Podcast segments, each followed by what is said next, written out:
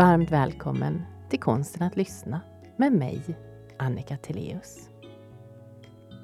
Till detta samtal har jag bjudit in företagsledaren Niklas Hedin.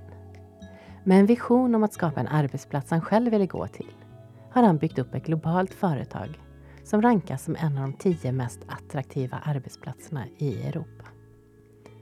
Grunden finns i det mellanmänskliga och lyssnat är en mycket viktig framgångsfaktor. Vad händer när hela människan, även mitt sura jag, är välkommen till arbetsplatsen? Vi pratar om skillnaden mellan empati och sympati, om vikten av att mötas i samma tempo och om kraften som finns i att hitta rätt istället för att leta fel. Det här är konsten att lyssna.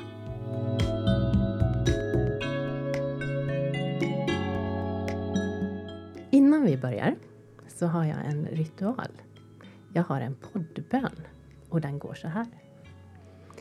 Jag bjuder in den klokaste delen av mig till detta samtal. Låt mig vara öppen, äkta och närvarande. Låt samtalet vara varmt, utforskande och fullt av tillit. Låt oss ta fram det bästa i varandra och välkomna det som sker. Låt detta samtal bli ett fint minne som vi skapar tillsammans, här och nu. Vad fint. Ja, tack. Vad händer i dig när jag läser det? Tempo är ju det första man tänker då. Eh, och alltid när man går in i situationer tänker jag, har man rätt tempo? Har man rätt hastighet? Och framförallt så i en jagad värld kanske man, kanske kroppen är före tanken. Och det din bön gör där, det låter oss kalibrera tempot.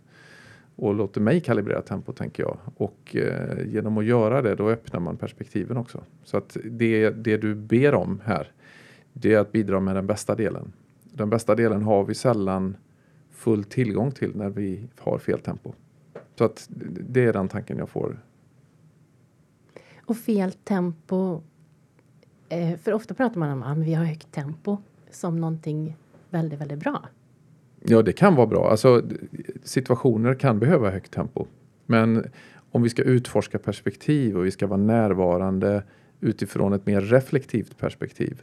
Då kan hastighet sätta lite käppar i hjulet för dig för då tvingas vi ju ta ställning snabbare i tanken och det är vi människor inte alltid bra på. Utan eh, högt tempo kan man absolut vara rätt och då ska man jobba med det. Men ska vi utforska nu perspektiv som vi ska göra här tillsammans, då, då ska man kanske stanna upp lite grann och låta själen komma ikapp. Mm, jättefint. Varmt välkommen Niklas Hedin. Tack. Du är VD på Centiro och, en, grundaren till Centiro. Och ni har blivit utsedda till en av de tio bästa arbetsplatserna i Europa. Och ni har fått massor med utmärkelser. Men hela tiden på vägen så har ett av dina mål varit att skapa en, det bästa företaget för både arbetstagare och kunder. Mm, stämmer. Var dök den tanken upp ifrån? Den fanns med från starten på det sättet att det var den första meningen jag skrev när, när bolaget skulle starta och det här äventyret skulle ta sin början. Och det bygger på att jag hade sett många organisationer och kanske deltagit i någon själv och sett beteenden som kanske inte alls var eh, det man önskar sig när man går till en arbetsplats. Och då var den enkla idén att jag vill bygga en arbetsplats som jag själv ville gå till och som jag själv ville vara en del av. Och så vill jag utforska den frågan och då skrev jag ner den här meningen. Det här ska bli det bästa företaget för såväl medarbetare som kund. Och så här 25 år senare kan ju den meningen låta lite sådär jag ska inte säga ansträngd, men det är ett språk i den. Men fortfarande så är ju idén sann, nämligen att utforska vad är bäst då? Och för mig var det väldigt enkelt. Det var att ledarskap som lyssnar till exempel. Jag vet att lyssna är en stor del av, av det du håller på med. Eh, men det var en viktig komponent då. Alltså hur, hur, skapar vi en miljö där, där man lyssnar på de här behoven och skapar en miljö där man känner att man vill komma till. Vad innebär det egentligen? Så att eh, där startar den här tanken då. Eh, och, och, det bygger på erfarenheter och upplevelser och nyfikenhet skulle jag säga också. Jag är uppvuxen i en företagarfamilj och har eh, sett företagande på nära håll från, ja, från det jag var liten egentligen på olika sätt. Och sett företag och sett organisationer och ledare av olika kaliber. fått prata med några av dem som vi skulle säga att vi beundrar och lärt mig en del i tidig ålder faktiskt. Så att det formar ju den här punkten då när jag säger ja, fast jag vill inte göra som alla andra. Jag vill göra någonting som jag tror på själv. Och hur gör ni för att lyssna på varandra i organisationen? Det är ju en, det beror ju på när man ställer den frågan. För är man, är man några stycken runt ett bord när man är en liten organisation. Jag tänker att de som lyssnar där ute nu, de, de sitter ju antingen i runt ett bord tillsammans och tar en kopp kaffe på, på jobbet. De är några stycken som, som håller på med någonting. Eller så sitter du kanske i en större organisation där det är hundratals och kanske tusentals människor på olika platser. Så, och vi har gjort en resa då från, från just det här några få människor runt ett bord till idag en global organisation med, med flera hundra personer som finns där ute. Så när du ställer den frågan så är ju det olika svar, olika nivåer. Men, men, och jag tänker att man börjar med det, med det mellanmänskliga någonstans, lyssnandet och, och förståelsen för vad vill vi tillsammans då? Att våga ställa den frågan ens i ett företagssammanhang. För många gånger så man får mål om man är anställd eller man, det, det sägs att vi vet vart vi ska. Men har vi egentligen pratat om det? Och jag tänker att det börjar där och det, för mig så, så startar det med en konversation där, där man försöker ta reda på vad är det som gör att du vill gå till jobbet? Vad är det som gör, vad drömmer du om? Vad är du rädd för? Vad gör att det inte känns riktigt bra eller du inte får energi? Vad får du energi av? Att utforska det perspektivet. Och det gör ju, har ju vi gjort, både när vi var några stycken, men vi gör det fortfarande nu när vi är, vi är över 600.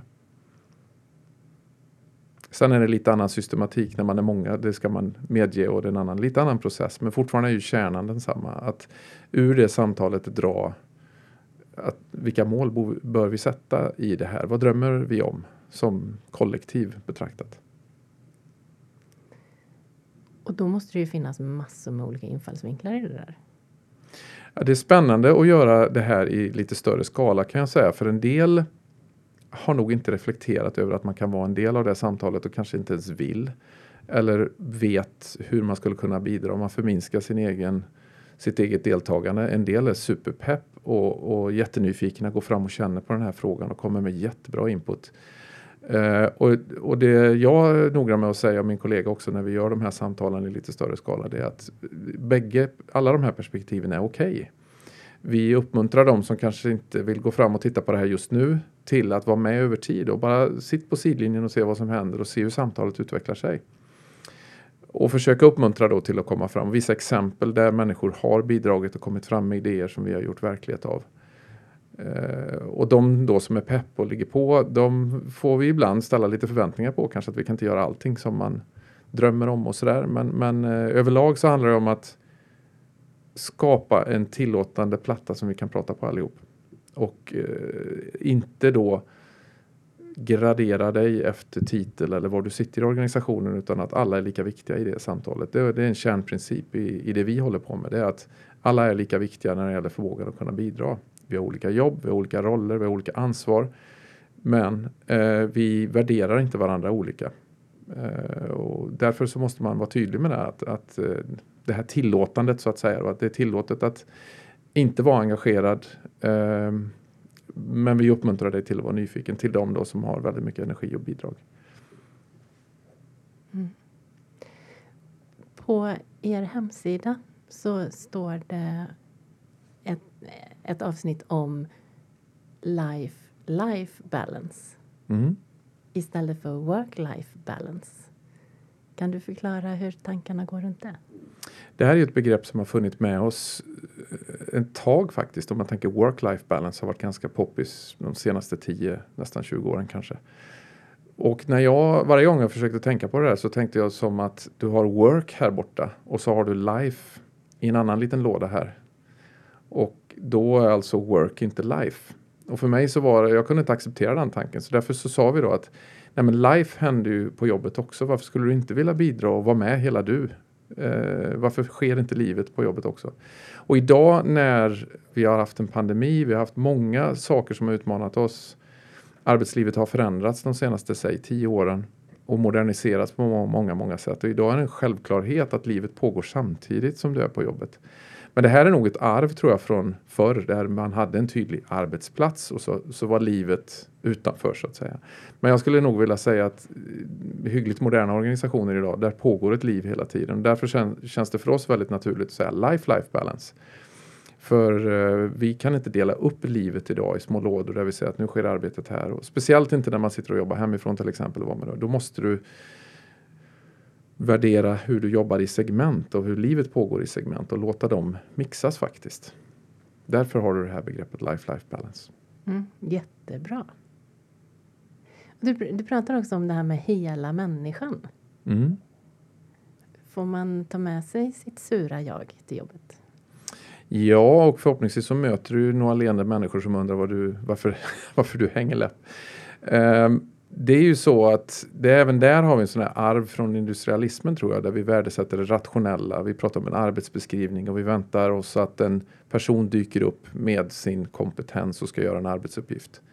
Och det här handlar om att vidga det perspektivet och få med då att ja, men hela människan har ju med sig känslor, eh, intuition, har med sig en massa bra instrumentering för att värdera, ha en värdegrund kanske, ha en kompass, ha ett eh, ett, ett, jag ska säga judgment, alltså ett omdöme helt enkelt på svenska. Som är otroligt värdefullt för att kunna göra sitt jobb och inte bara det här rationella arbetsinnehållet. Och det här då med att se hela människan eh, är vi noggranna med. Jag är noggrann med det för att säga det att om vi ska få loss så mycket energi som möjligt för att vi ska kunna bli och det här är en koppling också till prestation och affär och allting sånt. Om vi ska vara vårt bästa jag på jobbet och vårt bästa företagsorganisatoriska jag ute i marknaden i hård konkurrens. Då måste vi få loss så mycket energi som möjligt. Om vi begränsar det här till att säga att du får bara ta med dig de delarna till jobbet som har med jobbet att göra och vad som pågår ut, utöver detta i ditt liv, dina intressen och så vidare, det är vi inte intresserade av. Så att det här, eh, och då får man överraskande samtal, man får, man får en, en färgrikedom som är väldigt härlig, tänker jag då och eh, personlighet framförallt. Alltså, och idag vet vi eh, från marknadens feedback att det här är skäl till, för företag att göra affärer med oss. Så det är inte längre bara en, vi, vi pratar om skillnad mellan ett nice place to work och ett great place to work. Och nice place, det kan det vara om vi är trevliga mot varandra. Och vi liksom, men det här handlar ju om en koppling till och förståelse för att om vi får loss mer energi ur oss själva, då får vi loss en bättre prestation och då kan vi vara kompetenta i det vi vill och konkurrera på det sättet som vi vill. Om vi pratar om en konkurrensutsatt marknad till exempel. Men, så för mig är det hur får vi ut så mycket som möjligt av var och en. Om jag inte då är intresserad av dig till exempel och det du har med dig. Varför är du sur? Det kan ju finnas väldigt många bra skäl till att förstå det. Jag kanske till och med kan hjälpa dig att lösa delar av det. Och då får du en annan dels förtroendemiljö där man vågar hjälpa varandra. Man vågar eh, vara svag i situationer när vi behöver vara starka tillsammans. Och vågar vi prata om det, både som ledare men också kollegor, då, då händer någonting och vi börjar ta ansvar för varandra på ett annat sätt. Därur får du en mycket bättre prestation. Tycker jag mig kunna se och kunna bevisa över tid också. Då. Och jag tror att för den som lyssnar så är det bara att gå till sig själv. Då. Hur, hur, skulle du vilja att det var när du dyker upp på jobbet en dag där livet är lite körigt? Mm. Vill du att någon bryr sig eller vill du bara bli bemött av en ledare då om att nej men alltså det där får du, det där får du hantera utanför jobbet. Ryck upp dig. Ryck upp dig. Mm. Jag tycker om den här tanken med att man går in med hela sig. Och om man ser på det här med tempo. Jag jobbar ju som föreläsare mycket och det finns ju kanske en föreställning hos mig själv att en bra föreläsare är någon som hoppar runt på scen och är ni med? Eh, och jag har inte riktigt det tempot när jag föreläser. Jag har mycket mer reflektion. Men när jag får tillåtelse att vara långsam så blir jag snabbare. Och jag får också tillgång till en större lekfullhet i mig själv. Och det kan man ju tycka är en paradox där det står lite mot varann. Men att få komma in med hela mig och vara den jag är med de styrkorna jag har locka fram även andra styrkor. Det handlar ju om närvaro det du beskriver egentligen. Att, att det handlar inte om att du är Alltså, visst kan det finnas ett utrymme för pepp och det här rallytempot liksom. Men samtidigt så, du vet ju hur du får ut mest av dig själv. Och då är ju du närvarande i det. Och det känner ju, om du nu är föreläsare, det känner ju publiken av. Och för en del så behöver man peppa upp sig och hålla lite tryck om man nu ska ut på scen. Och en del eh, har ett, ett, annat sätt att, att skapa närvaro och kontakt. Eh, för det är det det handlar om i, i grund och botten. Eh, oavsett om du står på scen eller du sitter i ett rum som vi nu gör eller som man kan göra mellan kollegor och sådär. Är du närvarande där? Eh, det, det, är ju det som, närvaron tycker jag är det viktigaste. Eh, och apropå tempo då, men att förstå vad är det för tempo som pågår i det här rummet. Eh, vilket samtal är det vi har? Är det ett väldigt direkt och rakt samtal där vi behöver klara av ett par snabba punkter innan vi går därifrån? Eller är det ett samtal där vi ska sitta och fundera på och utveckla våra tankar? Och om den ena personen kommer in med det ena tempot och den andra inte gör det, då, då känns inte närvaron där. Så jag tror att det är för bägge parter, om man är två, att försöka förstå vad är det vi ska klara av i det här samtalet. Då. Och vilket tempo är bäst för att klara av det? Ja, och ibland så ibland är kort bra och ibland så behöver man lite tid. Och jag tror att här har våra kära verktyg, produktivitetsverktyg ställt till det lite grann som ofta vill boka en halvtimme eller en timme rakt av. Ibland så kan jag tycka att ett tio minuters samtal räcker väl för att klara av vissa saker och ibland så behöver du faktiskt kanske två timmar. Eh, så att min, min, min uppmuntran till dig som lyssnar där ute är att våga variera eh, dina kalenderbokningar för det blir ofta väldigt standardiserat. Och det går att ändra inställningen också så man får luckor mellan sina möten och sådär. Mm. Ställtid inte så dumt. Nej, men alltså att hinna med och framförallt om man nu jobbar i en situation som den jag gör där det är det, det är ganska tajt eh, i kalender och sådär. Många frågor som ska hanteras att hinna ställa om mellan de här. Att hinna åtminstone ta ett andetag, ta en kopp kaffe eller ta, eh, hinna med en fundering så att man ställer om det där tempot och hittar rätt. Mm. Du, du pratar om närvaro. När jag pratar om att lyssna så pratar jag ofta om att vara en lyssnarvän. Där V står för välvillig, Ä står för äkta och N står för närvarande. Mm. Och jag tror att det är en bra input till att kunna lyssna. Att vara både välvillig, äkta och närvarande. Mm. Och välvillig, ja, det handlar om att jag vill försöka förstå och jag vill dig väl. Det betyder inte att jag håller med. Eller det kan ju, kan ju vara så att jag håller med, men det behöver inte vara per automatik att jag håller med. Nej, och, och man blir lite sådär, det jag brukar prata om någonstans, det är skillnad mellan empati och sympati. Att, som du säger, hålla med. Det finns en tendens tror jag att och missförstånd att man visar välvilja genom att säga att jag tycker som du. Jag känner med dig och sådär. Men det som är underskattat är just förståelsen, att, att man visar att man förstår, vilket är en annan sak. Och i hjärnan är det faktiskt två olika ställen som vi pratar om. Att, att vara empatisk, att lyssna på ett sätt där jag med min bästa intention försöker förstå hur du tänker och, och kan visa, det, visa dig det eh, med, genom mitt sätt att ställa frågor och vara närvarande och sådär. Och det är ett centra i hjärnan, en förmåga vi har som människor. Och att vara sympatisk, att kunna ha samma känsla som du. Eh, att vara ledsen när du är ledsen, vara glad när du och så vidare. Att, att, att det är en annan sak. Och man ska inte förväxla de två. Eh, och ibland tänker jag då är det just en förväxling som sker. Att, att man tänker att välvilja är att jag ska känna som du. Men det är inte så. Jag ska visa att jag gör mitt bästa för att förstå dig. Och sen behålla hela sin kapacitet som människa och framförallt ledare tänker jag då är det här viktigt. Att man behåller hela sin kapacitet att också då jobba med det du får reda på. Eh, om man låter sitt känslocentra, sitt sympatiska centra ta över då rycks du ju med och då är risken att du tappar din förmåga, din bandbredd och möjlighet att hantera det du, du har framför dig. Då. Mm. Hur gör du själv när du är i samtal, när det är någonting som eh, är tufft? Det varierar, är väl det enkla svaret. Eh, det kan vara svåra frågor. Det kan vara att man måste ge besked. Att man, alltså, om det är svåra saker vi ska prata om så tänker jag att då, då är det inte så mycket kallprat kanske. Alltså det, det beror lite grann på vad, vad arenan är.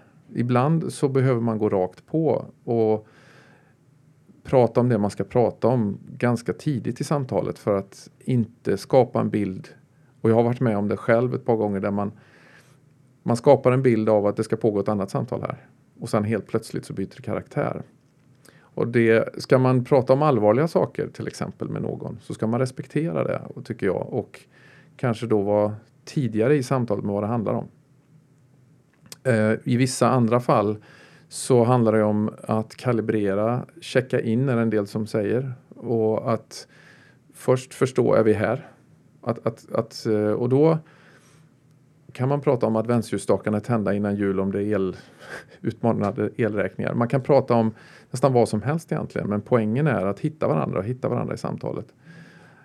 En del kan nog tycka det är, låter larvigt men jag vet ganska stora organisationer som har det som utpräglad metod att ha en check-in på möten där lite, inte bara två personer träffas utan lite fler.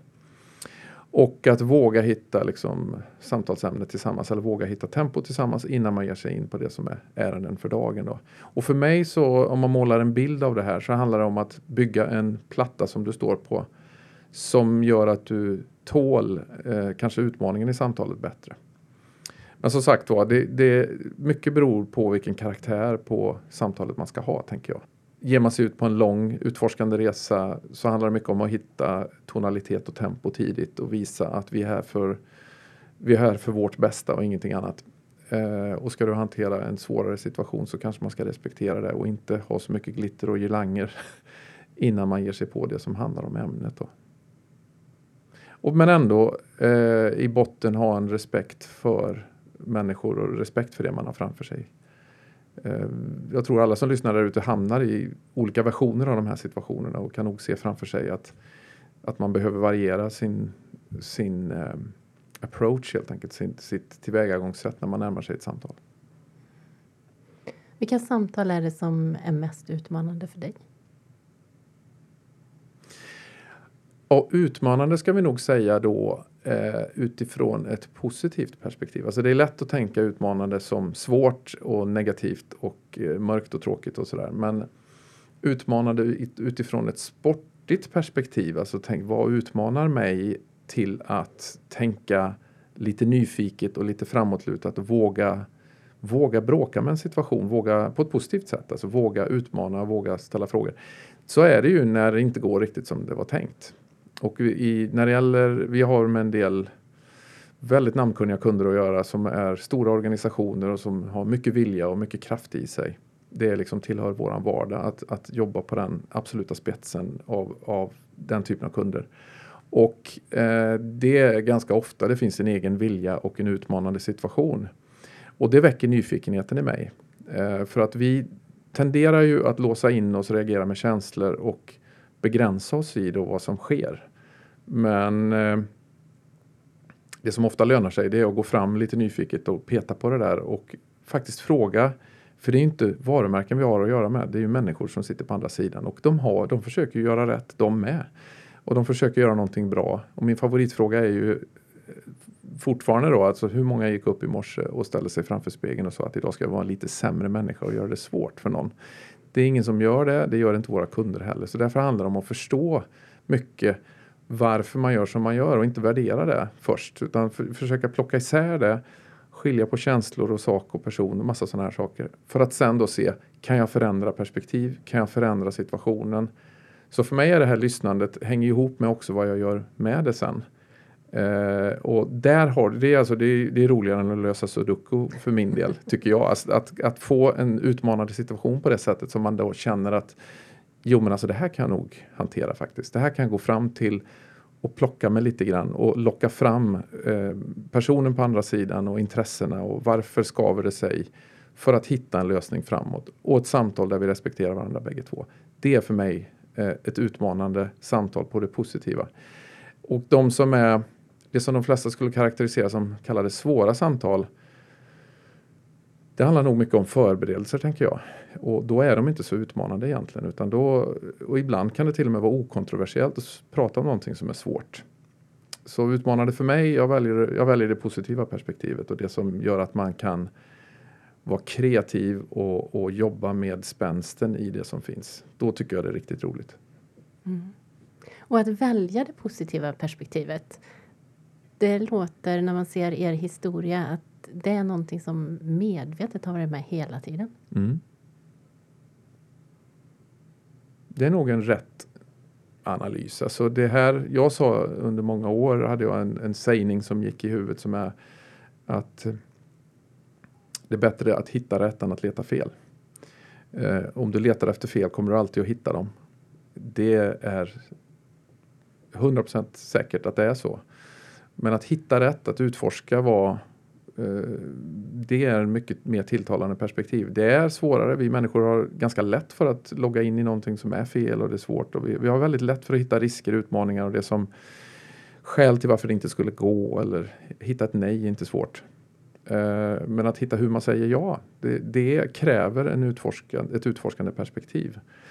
Vi har ju sedan länge i den här organisationen, jag personligen och vi som företag bestämt oss för att göra saker som inte är helt enkla. Och då måste man någonstans ha det här utforskande perspektivet för annars, annars skulle du få lägga ner imorgon ju. Uh, och så att jag tänker att vi människor vi ta, antar utmaningar på olika nivåer och på olika sätt. Och jag skulle nog påstå att alla som lyssnar där ute vet nog hur det känns när man utforskar sig själv på, på det här sättet där man liksom pushar sig själv till nästa nivå och tar nästa kliv. Jag var med vid ett tillfälle i ett eh, samarbete och eh, det var någonting i det samarbetet som skavde hos mig. Och eh, jag la fram det på bordet och fick en kommentar om att jaha, jag visste inte att du var en sån som letar fel att du letar problem. Fick du den kommentaren? Jag fick den kommentaren. Och jag ville verkligen inte vara en problemsökare så att jag backade. Det var min spontana eh, svar på det var att backa. Oj, nej, nej, nej. Och sen tog det tid efteråt att bara, men vänta lite grann, vad var det som hände? Jag, det var inte att jag letade fel, men det var någonting som fanns där som jag ville att det här måste vi prata om, det här måste vi utreda. Och när jag mötte då, jaha, jag visste inte att du var en sån som letade fel. Så backade jag. Och ska man ge det lite perspektiv då kanske, då tänker jag så här att ja, men vem mötte du den dagen? Var den personen i balans? Vad hade hänt innan den personen kom in i den situationen? Det kanske fanns skäl till att den personen reagerar så. Och eh, det du mötte kanske var en reaktion. Och jag har ju ingen aning om vad som försiggick i ert samtal innan och sådär. Men, men eh, jag, jag, kan ändå tänka så här, ibland möter vi ju människor, vi möter varandra. Och det har hänt någonting innan eller någonting har laddat upp situationer så man är inte riktigt på samma plats rent sådär känslomässigt. Och då kan nästan vad som helst göra att man får någon slags reaktion. Och återigen, jag vet inte vad ni pratar om eller vad som sades. Så jag, det är alltid värt att fråga, hur menar du då? Och försöka ta reda på Jo men alltså du sa ju så här. Jo men fast ofta är det ju vad vi säger och vad vi menar är två olika saker. Apropå nu det här med att lyssna och utforska då.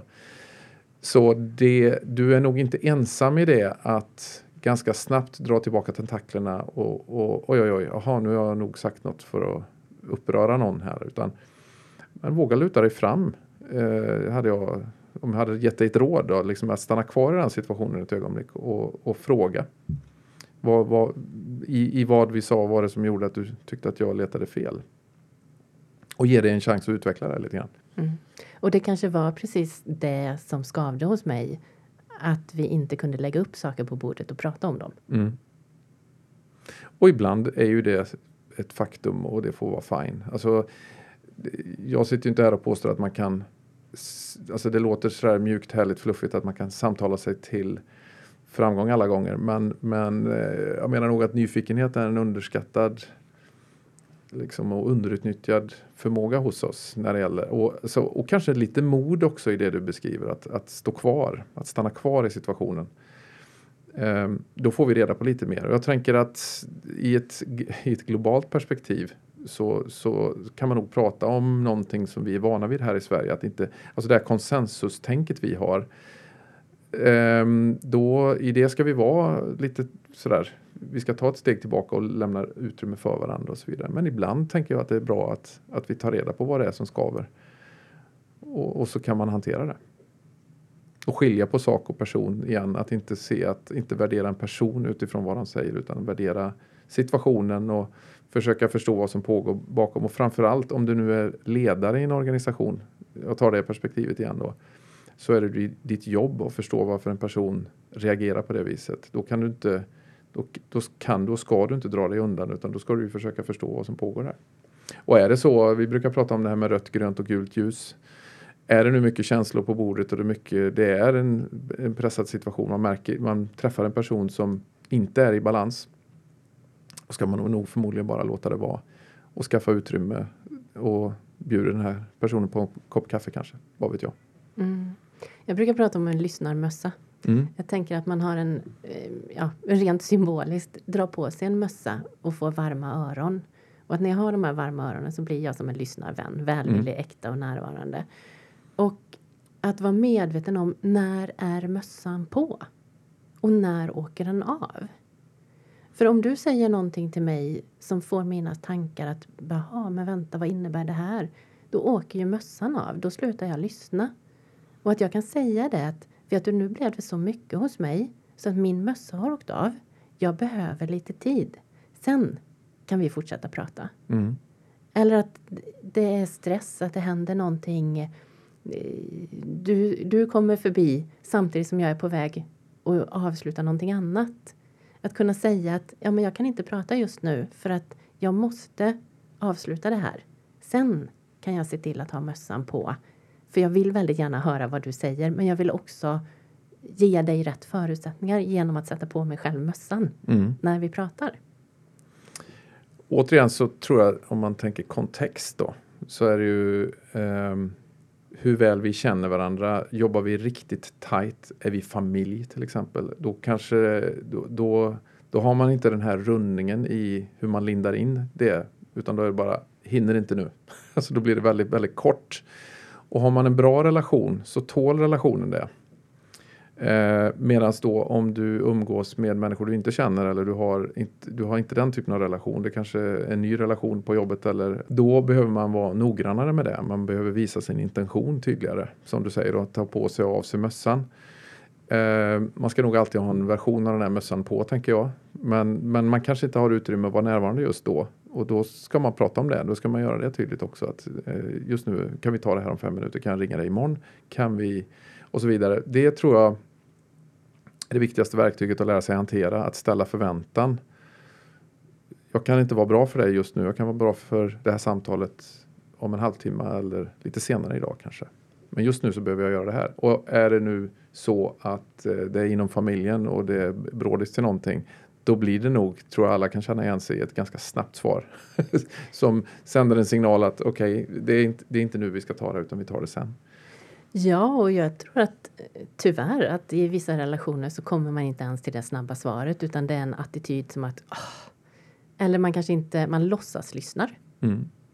Jag tror det finns en rädsla också att göra någon besviken. Att, att man, man inte vågar uttrycka sina intressen för då tror man att någon blir missnöjd på andra sidan. Att man riskerar att förstöra någonting. Men, men eh, det är väl min erfarenhet att det gör det nästan aldrig. Eller gör det i princip aldrig. Att, att våga ha ett öppet samtal och uttrycka vad man har för intressen och så vidare. Det, det, det bidrar till ett bättre samtalsklimat även om det är svåra frågor du pratar om. Går det att lita på folk? Ja, alternativet känns ju fruktansvärt. Och ehm, det här med att lita på tillit, lojalitet och de här sakerna som bor i någonstans samma begreppsvärld är ju inga absoluta matematiska sanningar. Eh, utan det är ju en glidande skala som också är då beroende på situation, beroende på eh, vilken relation som finns på bordet och sådär. Så att eh, någon absolutism i det, det finns ju inte ens inom en familj. Att lita på någon. Man skulle ju kunna tro det rent idealistiskt men det gör det ju faktiskt inte. Eh, däremot ska man säga oftast och ja, i, i, stor utsträckning och jag kan alltid lita på att det här händer och så vidare. Men och tillit, det är någonting man både ger och skaffar sig. Eh, man ger tillit till någon, ofta innan man kan veta om det faktiskt kommer att levas upp till. Och det är någonting man bygger upp tillsammans. Eh, jag menar att man kan lita på folk, ja. Alltså alternativet är, är fruktansvärt. Men har, finns alltid rätt förutsättningar. Framförallt om vi tänker en jobbsituation. Så kanske jag kan lita på din intention att du tänker göra ditt bästa men förutsättningar för att du ska lyckas finns inte. Då kan jag inte lita på att det löser sig för att då jag kanske måste se till att förutsättningarna finns också. Jag, jag kan tro att du försöker göra ditt bästa men att har jag tillit att hela situationen löser sig. Så att det här med förtroende och tillit, det, är, det finns många delar av det tänker jag då. Där, där eh, det är eh, kontextberoende eh, men också att det är en investering man gör. Vågar man inte ta en risk i en relation med en annan person då kan du aldrig bygga tillit, då har du inte förtroende. Förtroende kommer av att jag vågar exponera mig för dig. Vi tänker oss exemplet där du ska hoppa på ett flygplan och flyga någonstans då vill vi nog lita på piloten eller piloterna som sitter där framme. Att de gör sitt bästa och trafikledning och sådär. Annars skulle vi ju aldrig flyga. Eh, och då konsekvensen är ju då om de inte sköter sitt jobb då går det ganska illa för oss. Därför är det lätt att se att vi måste lita på den här personen. Vi måste lita på vårdpersonal. Vi måste lita på, I de här extrema situationerna är det extremt enkelt att se. Men det gör det också tydligt att det finns en konsekvens om inte jag litar på dig men om det går fel, då finns det en konsekvens. Men tar vi ner då perspektivet till att det handlar om en relation istället. Om jag inte ger dig ett förtroende och vågar visa och exponera mig och det inte finns en konsekvens, då kan vi heller inte prata om förtroende. Förtroende och det innebär att jag har tagit en risk och det finns en konsekvens om vi bägge två misslyckas med det. Lyckas vi, då har vi byggt tillit. Då har vi någonting att stå på och en tolerans för, en kapacitet för om någon skevar någon gång. Eh, att det inte går riktigt som vi hade tänkt oss. Då kan vi i alla fall gå tillbaka till intentionen. Vi försökte göra vårt bästa. Eh, men det här gick inte av det och det skälet eller det var fel. Ja, vad det nu kan vara som har gjort att man brast eller inte lyckades den gången. Men har du investerat i den här eh, botten då i relationen. Eh, det emotionella kapitalet kan man säga, alltså förtroendekapitalet då tål man också att, att eh, det inte funkar ibland. Och då kan tilliten fortfarande vara kvar. Det, det tycker jag det är det fina i den här historien att, att eh, för alternativet är återigen, det, det, är inte för mig acceptabelt som människa i alla fall att vi inte skulle kunna lita på folk. Men i organisationer ser man ofta att de är byggda utifrån att man inte litar på folk alls. Man bygger kontrollsystem och man, man utgår ifrån att folk kommer att göra sitt sämsta när de kommer till jobbet och sådana här saker. Eller i alla fall, ja, ja, det får vi se när det händer. Det finns en attityd till att det, det är nog så att vi inte kan lita riktigt på vad som händer där utan vi måste kontrollera detta. Och jag är precis tvärtom. Jag tänker att eh, vi ska utgå ifrån att man vill göra sitt bästa och man vill eh, bidra som, som människa där man är. Och är det inte det som sker så måste vi försöka förstå varför. Då måste vi ställa de här frågorna om, återigen, backa tillbaka till det vi började med. Vad vill man? Vad, vad, tänker man och vart ska man någonstans i livet? Och hur kan man bidra i den situationen vi har framför oss? Och då finns det en, en stor skillnad mellan att ha ett inbyggt kontrollsystem mellan att ha en uppföljning. Ja, att ha kontroll, att ha koll och följa upp olika saker. Men jag tror att det är upplevelsen här som är det viktiga. Upplever jag att någon kollar över axeln på mig, upplever jag att jag inte är litad på som en person i en organisation, då är det det som räknas. Och det kan vara Eh, ofta behövs det ganska tydliga signaler att man litar på och att ledare håller sig undan och håller sig ur vägen för att visa att tilliten finns. Då. Eh, uppföljning kan, jag lyssnade på en person som lever i en organisation just nu som är konstant uppföljd. Två gånger i veckan ungefär så, så eh, hör ledare av sig och undrar hur det går. Och det är en person som absolut är både kompetent och har förmågan och sådär, behöver ingen uppföljning egentligen. Men det gör ju att den här personen upplever det som extremt kontrollerande. Och, eh, då, och dessutom då nästan tappar kontrollen för det. För då tappar man motivationen, man tappar liksom det som är energin. Så att eh, det, det, är nog upplevelsen som räknas. Men mycket kan man då bygga in i en organisation. Och det är lätt att det tiltar, så uppföljning kan lätt tilta till att det blir en upplevd kontroll. Det hänger väldigt mycket på hur du sätter tonen, hur du kommer in i situationer som ska följa upp. Men eh, vi kan tänka oss ett läge där du ringer lite stressat. Och, hur går det då? Hur går det då? Hur går det med det här? Det skulle kunna vara en uppföljning men det upplevs nog som liksom ett näsvist lägga sig i perspektiv. Där klarar du det här? Klarar du verkligen det här? Ja, precis. Mm. Mm. Jag hade en, en chef tidigt i mitt arbetsliv som eh, sa att jag tänker låta dig göra ditt. Men om det går åt peppan kom till mig jättesnabbt. Jag tänker inte skälla på dig, för jag tror att du har tillräcklig samvets... Eh, ja, att det är tillräckligt jobbigt för dig ändå. Utan vi löser det tillsammans. Så kom så fort du har märkt att det är någonting som har blivit struligt. Mm. Och det är ju väldigt klokt uttryckt av den här ledaren då i den situationen. Och det, det, återigen så beror det här väldigt mycket på vad man hanterar och vad man jobbar med och sådär. Men, men eh, alla som sitter där ute har nog varit med om en situation där det inte gick som man hade tänkt sig och behövt prata med någon om det. Och ju tidigare dess bättre. Jag, jag brukar prata om den dubbla besvikelsen annars. Alltså först bli besviken över att det faktiskt gick fel. Men den andra besvikelsen som är varför sa du inget? Och den sista där, av de två, så är den sista viktigare för den kan nämligen förstöra det här fina kapitalet vi pratade om innan. Kan jag verkligen lita på att du kommer till mig nästa gång? Det är lite svårt att återställa det. Den första besvikelsen av att det gick åt pipan, den kommer vi över, den måste vi över ändå. Därför är det mycket bättre. Vi har ju transparens som ledord i vår organisation och det, vi uppmuntrar verkligen till att ha, våga ha det här samtalet. Vi hade till och med i våra tidigare dagar hade vi det vi kallade för misstagsklubben. Nu är den liksom den, den, är inte avskaffad men den, den, vi pratar inte om den på samma sätt men i alla fall ha en tillåtande kultur då för att det är först då vi kan få loss en riktig prestation och vi kan få loss en riktig nivå på innovation och prestation och alla de här sakerna om vi vågar vara öppna med hur det går. Eh, och vi jobbar med kunder som är så pass skickliga så de ser ju ändå, liksom, de, de, de ser på ett ögonblick om vi skevar eller inte så det är lika bra att vara öppen direkt. Och vi får det inte alltid rätt. Men vi bygger förtroende genom att våga säga att nu gick det faktiskt inte riktigt som vi hade tänkt oss men vi kommer att göra det här. Vi kommer att göra vårt bästa, det lovar vi. Eh, men eh, just det här gick inte som vi hade tänkt oss. Och det, eh, återigen så finns det rädsla i botten tror jag hos oss människor att eh, man, man är rädd för konsekvensen om man säger det här. Och ledare måste ju vara noggranna och väldigt uttalade precis som ditt exempel med att det är okej okay och till och med visa det när det händer att tänk inte skälla på dig. Det, det är illa nog som det är. Eh, och bygger man den typen av tillåtande kultur då kan man nå riktigt långt för då vågar människor bidra på ett annat sätt.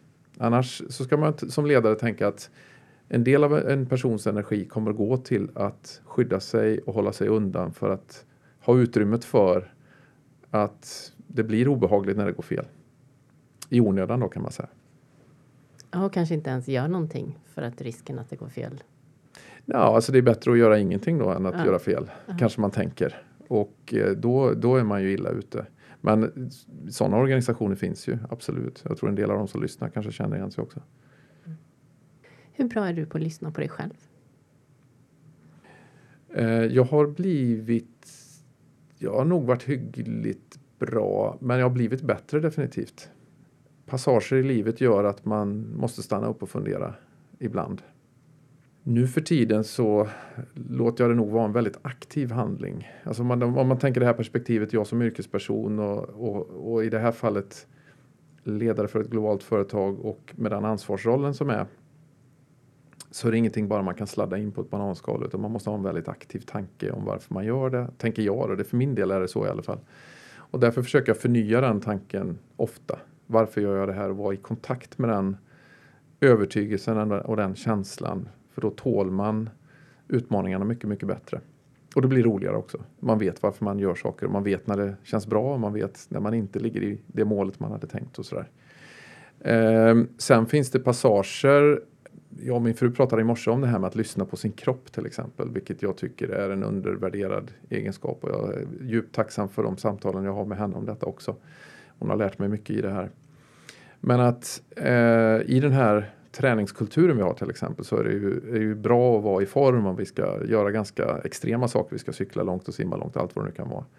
Men mer och mer så kanske man ska faktiskt lyssna på sin kropp och se vad man är då. Eh, om man pratar det perspektivet. Och jag har väl inte alltid lyssnat.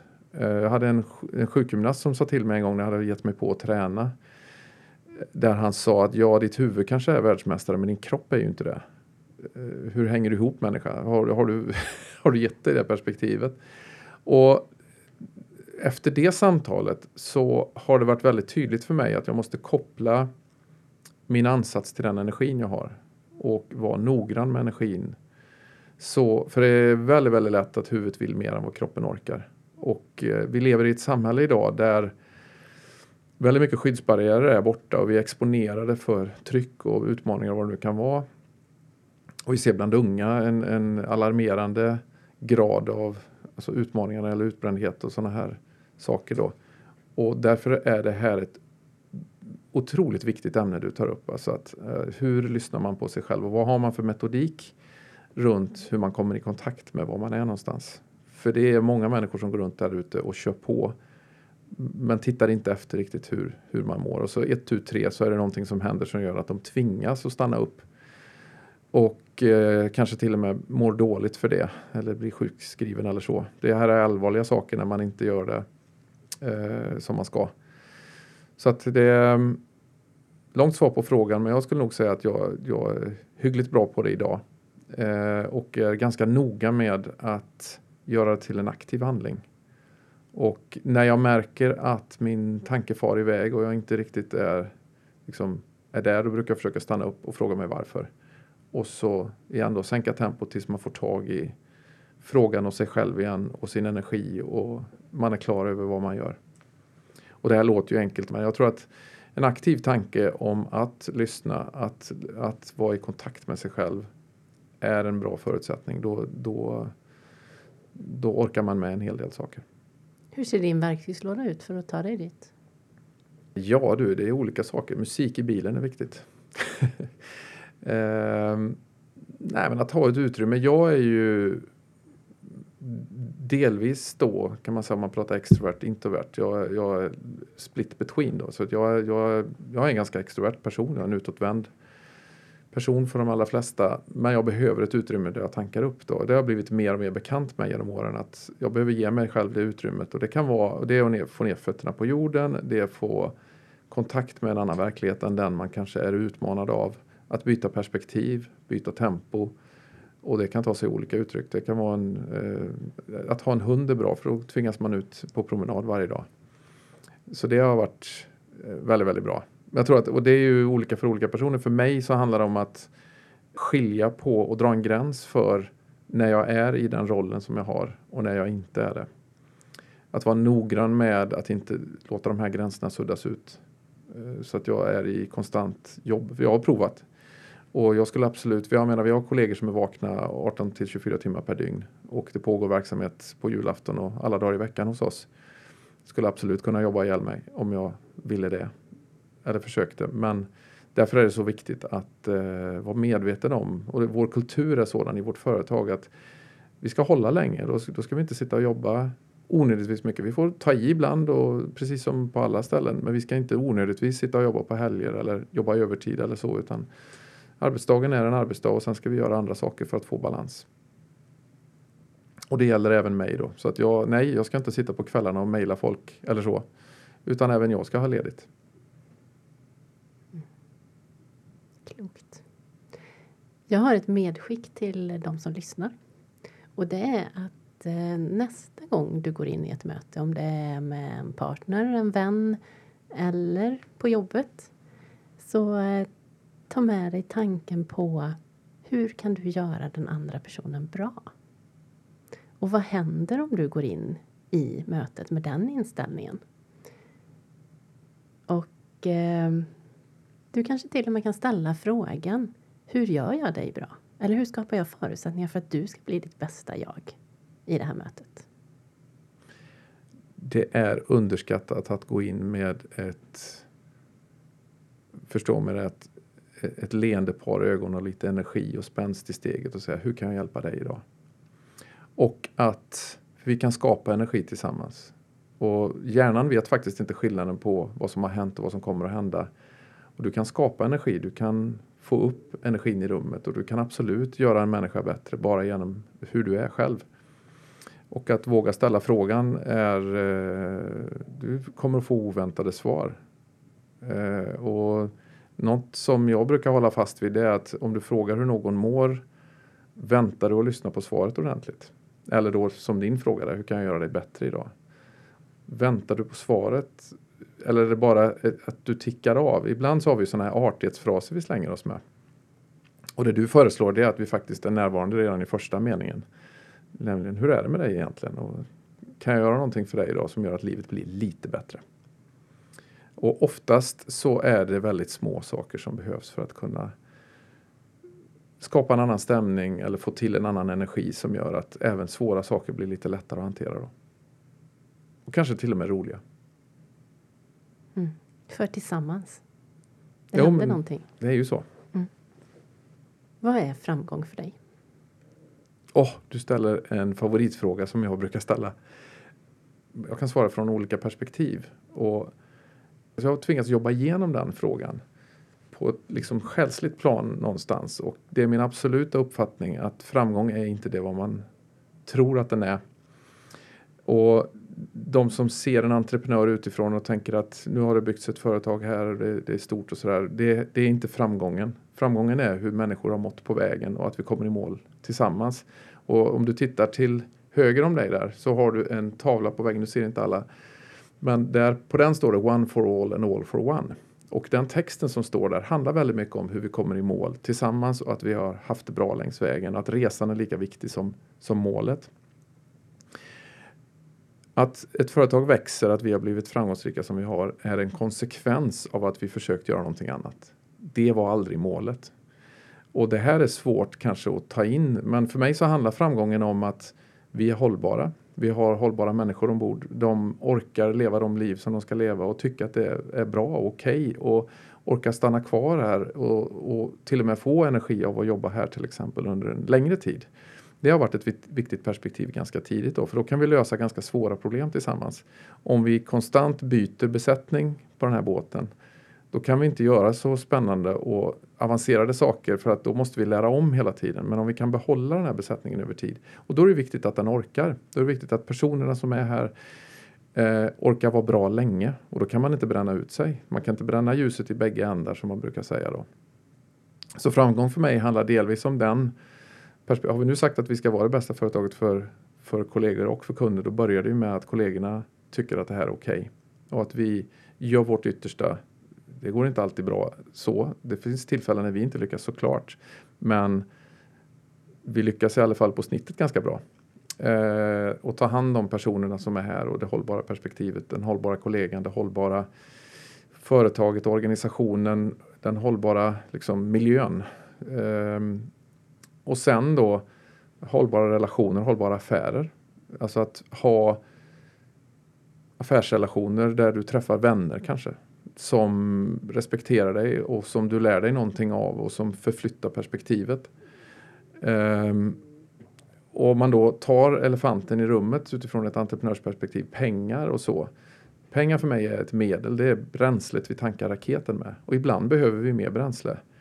Och då kan pengar eh, som möjliggörare vara en viktig komponent men det är aldrig målet för mig. Och det är aldrig målet för det vi håller på med här. Eh, det kanske ser ut så på utsidan när man tittar på hur vårt företag mår, hur det går och sådär. Men eh, det, jag, när jag coachar unga entreprenörer som är unga i sitt entreprenörsliv så brukar jag just ställa den frågan till dem och be dem tänka efter ordentligt. För att om de bara fokuserar på pengar så kommer de att gå kort på sina mål. Ehm, och klarar man inte av att få, få en sysselsättning eller få en vad ska man säga, få ett liv att fungera rent ekonomiskt, då kanske man ska hålla på med någonting annat. Eh, men om du vågar tänka den större tanken, hur du kan påverka människor, hur du kan påverka större sammanhang, i vårt fall att vara en del av våra kunders sammanhang där vi faktiskt gör nytta och, och har, har verkan på deras liksom, affär och deras framgång och sådär. Det är en väldigt tilltalande idé. Och det finns mycket mer spännande saker att tänka där. Så framgång för mig är att vi får fortsätta utforska den frågan. Att vi får vakna varje, varje morgon och inte veta vad som pågår imorgon. Det är framgång för mig. Att, att kunna få njuta av att få ta nästa steg i det här. Och, och att vi har roligt på vägen. Det pratar vi mycket om. Att livet är för kort för att ägna sig åt saker som är dödar energi eller tråkiga. Eller, och jag brukar säga till dem som jag föreläser för att, att eh, det är inte ekonomiska mål som gör att folk går upp på morgonen. Extremt få människor går upp för den sakens skull. Det finns alltid något annat perspektiv som är mycket, mycket viktigare. Och det borde man prata om. Det är framgång för mig. Jag har bestämt mig för att mäta framgång i gåshud. All right. Mm. Det är bra. Ja, för mig blir det en sån där... Ja, när men vad är när det? får du det då? Ja, men dels får jag det i såna här samtal. Det tycker jag är härligt att eh, få utforska tillsammans, att vara närvarande. Eh, Jag kan få det när jag är ute och plockar kantareller i skogen. Jag kan få det när jag står på scen. När jag känner mig så här extremt närvarande. Och jag kan också eh, känna när jag har varit med och berört i något läge så att någon annan kommer fram och säger att åh, jag fick gåshud när du berättade det där. Då räknar jag det som en liten bock på min gåshudsmätning eh, också. Mm. Och det du berör där är ju ett extremt viktigt bränsle egentligen. Det är ju inte de, återigen, det är inte de stora ögonblicken här utan det är ju de, de här ögonblicken in emellan du pratar om. Där, där gåshuden uppträder eller där känslan inträder. Ta vara på dem. Eh, och att stanna upp i dem tänker jag. Jag fick en härlig fråga från en ung ledare en gång när han frågade så här att Ja men om jag nu ska liksom skapa energi med en organisation, skapa bra ögonblick då, att skapa gåshud. Eh, hur håller man reda på hur många high fives någon behöver? Ska jag ha det i ett Excel-ark eller så?